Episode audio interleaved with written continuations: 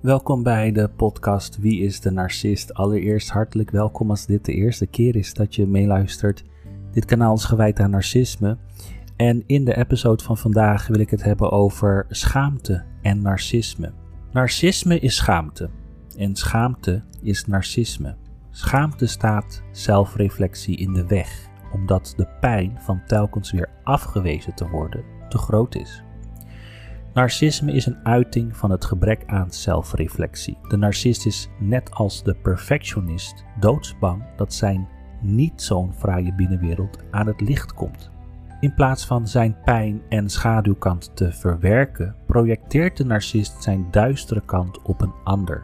Niet de narcist, maar de buitenwereld is verrot. De narcist treft geen enkele blaam en zal altijd met een vinger naar de ander wijzen. Het perfecte plaatje dat hij van zichzelf gecreëerd heeft, moet kosten wat het kost in stand gehouden worden. En daar zal de narcist alles voor doen, zelfs als het ten koste gaat van diegene die naast hem staan.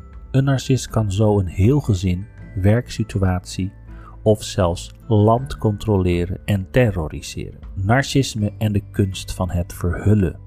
De narcist is heer en meester in het creëren van illusie.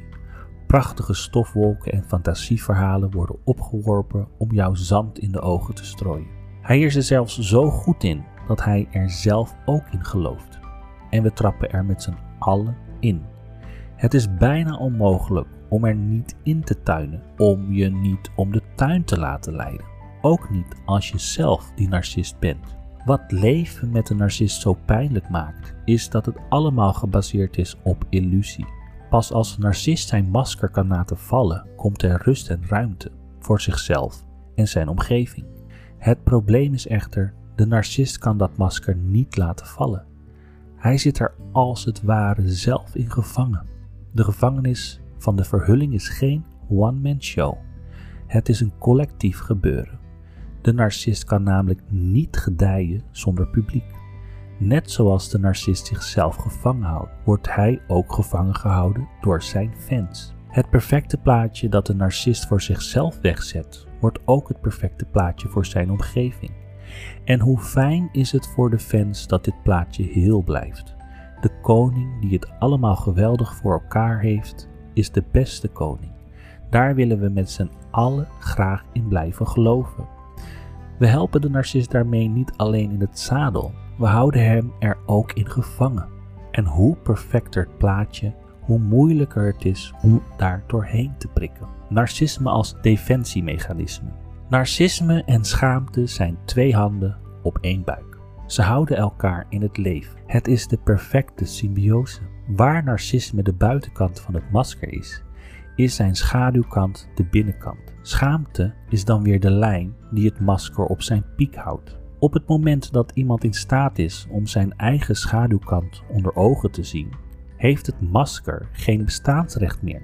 Omdat de narcist niet naar zichzelf kan kijken, zal de schaduwkant altijd schaduw blijven. De narcist zal elk verzoek om zichzelf onder de loep te nemen zien als een aanval. Naar binnen kijken voelt voor hem of haar immers levensbedreigend. Wat je ook doet om tegen de narcist te zeggen dat hij of zij moet stoppen met zijn gedrag, het gaat niet gebeuren totdat zijn fanclub er vandoor gaat. Pas als de narcist er helemaal alleen voor staat, is er een kans dat er een scheurtje ontstaat in het schild dat hij heeft opgebouwd voor zichzelf. Er kan dan langzaam een beetje licht naar binnen komen. Met dat licht kan de narcist zien dat zijn binnenwereld helemaal niet zo donker en verdorven is. De narcist zit gevangen buiten zichzelf en is niet in staat tot gezonde hechting. Hoe herken je narcisme? In tegenstelling tot wat je vaak hoort, namelijk dat de narcist geen schaamte kent, is hij juist geboren uit schaamte. Schaamte is een eindeloos gevecht tussen een deel wat er wel mag zijn, het masker, en een deel dat er niet mag zijn, de schaduw. Signalen om een narcist te herkennen zijn dan ook uitspraken die bepaalde karaktereigenschappen van zichzelf heel erg in het licht zetten en uitspraken die een ander juist in de schaduw zetten. Het klinkt paradoxaal. De narcist strooit magic dust om zich heen om zijn eigen schaamte te verhullen. Met die stofwolk worden de omstanders zand in de ogen gestrooid. De narcist beschuldigt. Dit is de blame game. De narcist is het slachtoffer. Het is altijd de schuld van de opvoeding, de regering, de elite, de buurman, de ex, noem maar op. Vul maar in. De narcist ontkent in alle toonaarden. Daar weet ik niets van. Liegen, smoesjes gebruiken. Niets wordt ontzien om welke blaam dan ook op zich te nemen. De narcist projecteert. Alles wat de narcist zegt over de ander gaat om zichzelf. De narcist intimideert. Plagen, pesten, intimideren zijn subtiele vormen van geweld waarmee de narcist ontzien wordt. De narcist manipuleert. Het lukt hem iedere keer om iedereen om zijn vingers te winden met manipulatie. Dit vervult hem met enorme trots. De narcist vernedert en beschaamt. Vernedering is een hele pijnlijke vorm van vingerwijzen. De ander naar beneden halen om zelf op de troon van onschuld te blijven zitten. De narcist domineert. Krijgt de narcist de ruimte om zijn gang te blijven gaan, dan zal hij steeds meer groeien en domineren. De narcist terroriseert. De narcist wordt gemener en gemener. Hoe groter de schaamte, hoe groter het geweld. Herkenbaar? Zie je nu iemand voor je die een narcist is? Vast wel. Dit kan je moeder zijn, die altijd fit op de buurvrouw. De jongen op school die jouw kind pest. De Harvey Weinstein in de MeToo-discussie. De ex van je vriendin die het slachtoffer speelt. Narcisme nader bekeken voor slachtoffers. De ravage die de narcist achter zich laat is niet gering. Als je opgroeit met een narcist als opvoeder, kun je een leven bezig zijn om te dealen met de schaamte die dat met zich meebrengt. De narcist blijft zelf buiten schot als hij de vingers naar de ander wijst. Als de ander het kind is, dan zijn hele leven hoort dat hij niet goed genoeg is, op subtiele en minder subtiele wijze, dan kan zich dat gaan vastzetten in schaamte. De schaamte is het idee dat de narcist gelijk heeft. De beschuldigingen van de narcist zijn dan geïnternaliseerd. Als het slachtoffer echter zijn ogen opent en erachter komt dat het niet over hem gaat, kan de wond die de beschaming heeft achtergelaten helen. De aangeprate schaamte kan geheeld worden. Hoe een narcist iemand beschaamt met gaslighting. Omdat de narcist zelf met schaamte zit opgescheept en niet het vermogen heeft om naar binnen te kijken, kan hij geen kant uit met zijn gevoel van schaamte. Hij zal daarom zijn schaamte willen lozen. Omdat de narcist heer en meester is in het manipuleren van goedgelovige mensen, probeert hij de schaamte bij een ander aan te praten. Hoe dat gebeurt is vaak moeilijk te doorzien. Een term hiervoor is gaslighting. Deze term is gebaseerd op een film waarin een vrouw langzaam gek gemaakt wordt door haar man. Door dingen te verdraaien gaat zij aan haar eigen gezonde verstand twijfelen. Wat de narcist doet, is door middel van schaamte iemand laten geloven dat niet de narcist het probleem is of heeft, maar iemand anders. Dit gaat op zo'n gewiekste en subtiele manier dat je het niet doorhebt. Door gaslighting kun je heel erg aan jezelf gaan twijfelen. Ben ik nou gek of, als dit jaren doorgaat, is er sprake van geestelijke mishandeling? De schuld wordt in iemand anders schoenen geschoven, zodat de narcist zich onschuldig kan voelen. Een narcist kent veel schaamte. Een narcist schaamt zich voor zichzelf, voor zijn innerlijke echte ik. En daarvoor zal een narcist nooit naar zijn eigen gedrag kijken, omdat de narcist zo'n perfect zelfbeeld heeft gecreëerd dat omhoog gehouden moet worden. En perfect, dat hoeft niet positief te zijn, want het kan ook negatieve aandacht zijn. Als het maar aandacht is die de narcist krijgt. Want iedere vorm van aandacht zal de narcist gebruiken om dat naar zijn of haar hand te zetten. Ze kunnen daarvoor, daardoor bijvoorbeeld iemand zwart maken. Iemand die iets negatiefs zegt over de narcist. Het zijn kleine dingetjes die de narcist echt kan gebruiken. Stel dat jij zegt van goh, jemig zeg, moet dat nou met dat, uh, moet je nou zoveel roken bijvoorbeeld, ik noem maar even een voorbeeld. En dan zal die narcist zeggen, jemig, wat zit zij zich te bemoeien? Ze bemoeit zich altijd met iedereen. Het zijn kleine dingetjes, echt kleine dingetjes. Hè? Maar die narcist zal altijd van alles gebruiken om dat naar zijn of haar hand te zetten. Want een narcist, al als jij zegt, je geeft ze een goed een compliment. Oh, wat zie je er vandaag leuk uit, leuke outfit. En dan zullen ze zeggen, ja, maar. En dan ze zeggen, nee, het ziet er echt goed uit. Nou, en dan gaan ze erop door. Dat is ook weer een gewoon klein voorbeeld. Dus ze krijgen de positieve, negatieve eh, aandacht. En dat maakt ze niet uit. Als het maar aandacht is. Ze moeten in de belangstelling staan, ze moeten in de spotlight staan. Vooral een verborgen narcist die al helemaal, dat zijn slangen. Verborgen narcisten zijn echt slangen. Zulke mensen, dat zijn, die moet je niet in je leven hebben. Dat zijn, de meest, dat zijn de meest giftige narcisten die je maar ooit in je omgeving kan hebben. Een verborgen narcist. Want een verborgen narcist, heb ik al vaker gezegd, is net een chameleon die past zich ontzettend goed aan aan zijn of haar omgeving. En dit is heel vaak een vrouwelijke narcist. Hè? Want die vrouwelijke narcist, de vrouwelijke verborgen narcist, is altijd het slachtoffer. Altijd het slachtofferspelletje spelen. Het ligt altijd aan een ander. Ik heb vaker gezegd, de verborgen narcist is ontzettend obsessief als het gaat om uiterlijk. Uiterlijk vertoon, haar, make-up, gezicht, moet allemaal perfect zijn. Hè? Lichaam niet, dat hoeft niet. Want dat is namelijk het enigste wat zo'n verborgen narcist kan bieden. Uiterlijk. Vraag even aan iemand die een partner heeft gehad die een verborgen narcist is geweest. Vraag aan diegene van, goh, waarom hield je van deze persoon? Ja, omdat ze mooi was. De verborgen narcist is echt een sluwe slang gewoon. Die moet je niet in je leven hebben.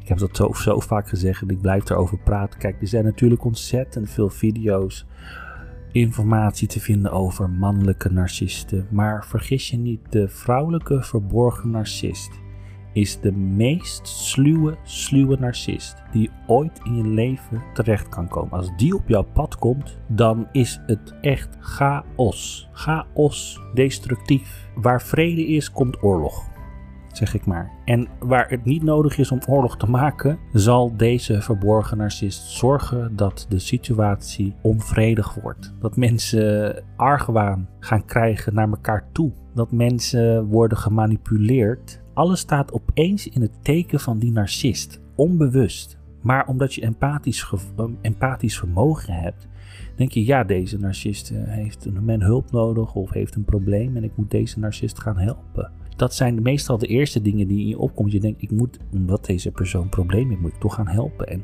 ze kunnen zo'n mooi zielig verhaal ophangen. En daar ga je dan in geloven. En voor je het weet, ben je, zit je er helemaal in. En voor je het weet, heb jij zelf ook problemen. En als je op een gegeven moment erachter komt, meestal een verborgen narcist, die is heel destructief binnen drie maanden.